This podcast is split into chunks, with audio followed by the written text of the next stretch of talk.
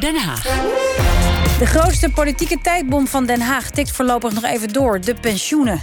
Deze week mislukt een akkoord op de valreep tussen kabinet, bonden en werkgevers. En dat na zeven jaar onderhandelen.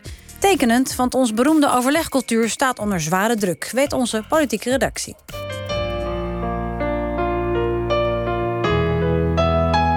Denkend aan Holland zien veel buitenlanders tulpen, molens en klompen voor zich. De nog wel beroemder is het exportproduct bij uitstek. Het ligt zo mooi hier in de polder. Het poldermodel, waar Nederland in de wereld eigenlijk beroemd mee is geworden. Overleggen met de samenleving over moeilijke onderwerpen... om op die manier draagvlak te krijgen in die samenleving. Polderen. En Nederland oogst lof met altijd overleggen. Oud-premier Wim Kok krijgt er in de jaren 90 zelfs schouderklopjes voor van de Amerikaanse president Bill Clinton. Wim Kok from the Netherlands was doing all this before we. En bijzonder is het ook wel, want Nederlandse bonden zitten braaf bij de werkgevers en de staat aan tafel voor overleg. Waar buitenlandse bonden om de havenklap de straat te vullen, zoals in het rellerige Frankrijk. In Frankrijk ligt het openbare leven vandaag goeddeels plat. Wat opvalt is de gebruikelijke chaos. Bij sommigen gaat het zover dat ze de bestaande orde omver willen werpen. Het openbare leven in Frankrijk lag vandaag grotendeels plat. Frankrijk beleefde vandaag opnieuw een piek in het nu al 19 dagen durende actiegeweld. Ongeveer 5 miljoen Fransen staken voor een betere CAO het komende jaar. Die polder komt niet uit het niets. Na de mislukte opstand van socialistenleider Troelstra nemen de rooien afscheid van de revolutie en kiezen voor samenwerking. 1918. De vergissing van Troelstra. Waar gaat het om? Troelstra zegt te verwachten dat er revolutie zal komen. Heel burgerlijk Nederland valt daarop over hem heen. Troelstra heeft zich in de verhoudingen vergist. Ook binnen zijn eigen partij. En met de wederopbouw na Wereldoorlog 2 zet de Roomse minister Van den Brink onder het eerste kabinet van vadertje Drees de SER op. De wat? De Sociaal en Economische Raad. Daarin maken bonden, bedrijven en regeringen afspraken over lonen, werk en de economie. Daarnaast heeft zich ook sterk afgetekend de positieve waarde van de mogelijkheid om door een systematische regeling van de arbeidsvoorwaarden en in geordende loonopbouw groter sociale rechtvaardigheid te betrachten dan enkel door strijd verkregen kon worden. Het grootste succes van de polder is het beroemde akkoord van Wassenaar uit 1982. In het zogenaamde akkoord van Wassenaar wordt afgesproken dat werknemers niet te veel loon zullen eisen. Maar dan wel in ruil voor arbeidstijdverkorting. Het lukt omdat machtige vakbondsmannen als Wim Kok, we pikken het niet meer, en werkgevervoorman Chris van Veen een deal kunnen sluiten. Dat was mijn impuls. En uh, ik ben ook gered daarbij door uh, een constructieve houding van de werkgevers uh, bij monden van Van Veen die dat uh, op de een of andere manier heeft aangevoeld en opgepakt. De lonen worden bevroren in ruil voor kortere werktijden. De staat brengt de overheidsfinanciën op orde...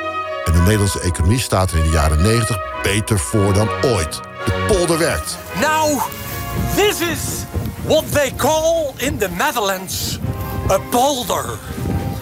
And our minister-president, Mr. Wim Kok, made the word polder model famous around the whole planet Earth. Maar dat is nu wel anders.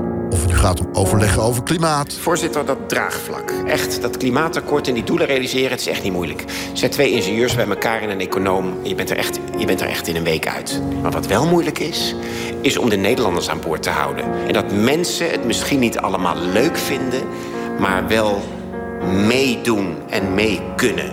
Of over de luchtvaart. Op 1 april 2019 moet het eerste grote vliegtuig de landen.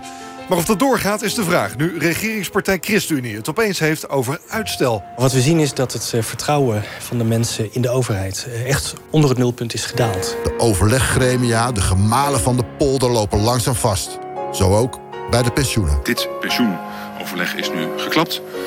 Dit was het moment en dit is het grote issue... waarop werkgevers en werknemers in een heel versplinterd politiek landschap hadden kunnen zeggen... oké, wij pakken onze verantwoordelijkheid. En dat vind ik echt verschrikkelijk. De bonden, de regering en de werkgevers komen er maar niet uit. Na zeven jaar praten. En verrassend is dat niet. De laatste jaren laten de achterbannen zich maar moeilijk temmen. Bij de FNV zeggen leden in 2003 zelfs keihard nee... tegen een akkoord over maatregelen van kabinet Balken en de Twee. FNV vreest dat leden najaarsakkoord zullen afwijzen. En nu loopt het bij de pensioenen niet veel makkelijker. Met een groeiende nee-cultuur onder de leden... en ouderen die geld willen zien... lijkt de schaduw te groot om sprongen te kunnen wagen. Zo moet voorzitter Jongerius opstappen. Het pensioenakkoord splijt de vakbeweging. Jongerius krijgt zelfs een gouden tomtom... omdat ze de weg totaal kwijt zou zijn. En na jaren sleutel aan de plannen voor persoonlijke pensioenpotjes...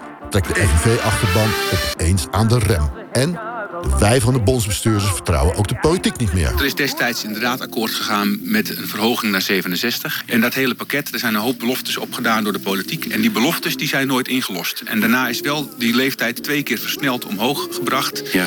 Uh, en al die beloftes, die geschonden beloftes, die maken nu dat wij zeggen... wij gaan niet akkoord met het vooruitschuiven van de hete aardappel... en er komt een of andere commissie en zoek het maar uit. Juist.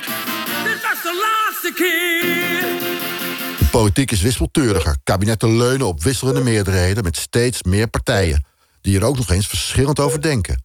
En met kieskeurig kiezersvolk staat de handtekening van Slans regering er opeens met potlood. Het veen klinkt in met het vertrouwen en de polder zakt langzaam weg.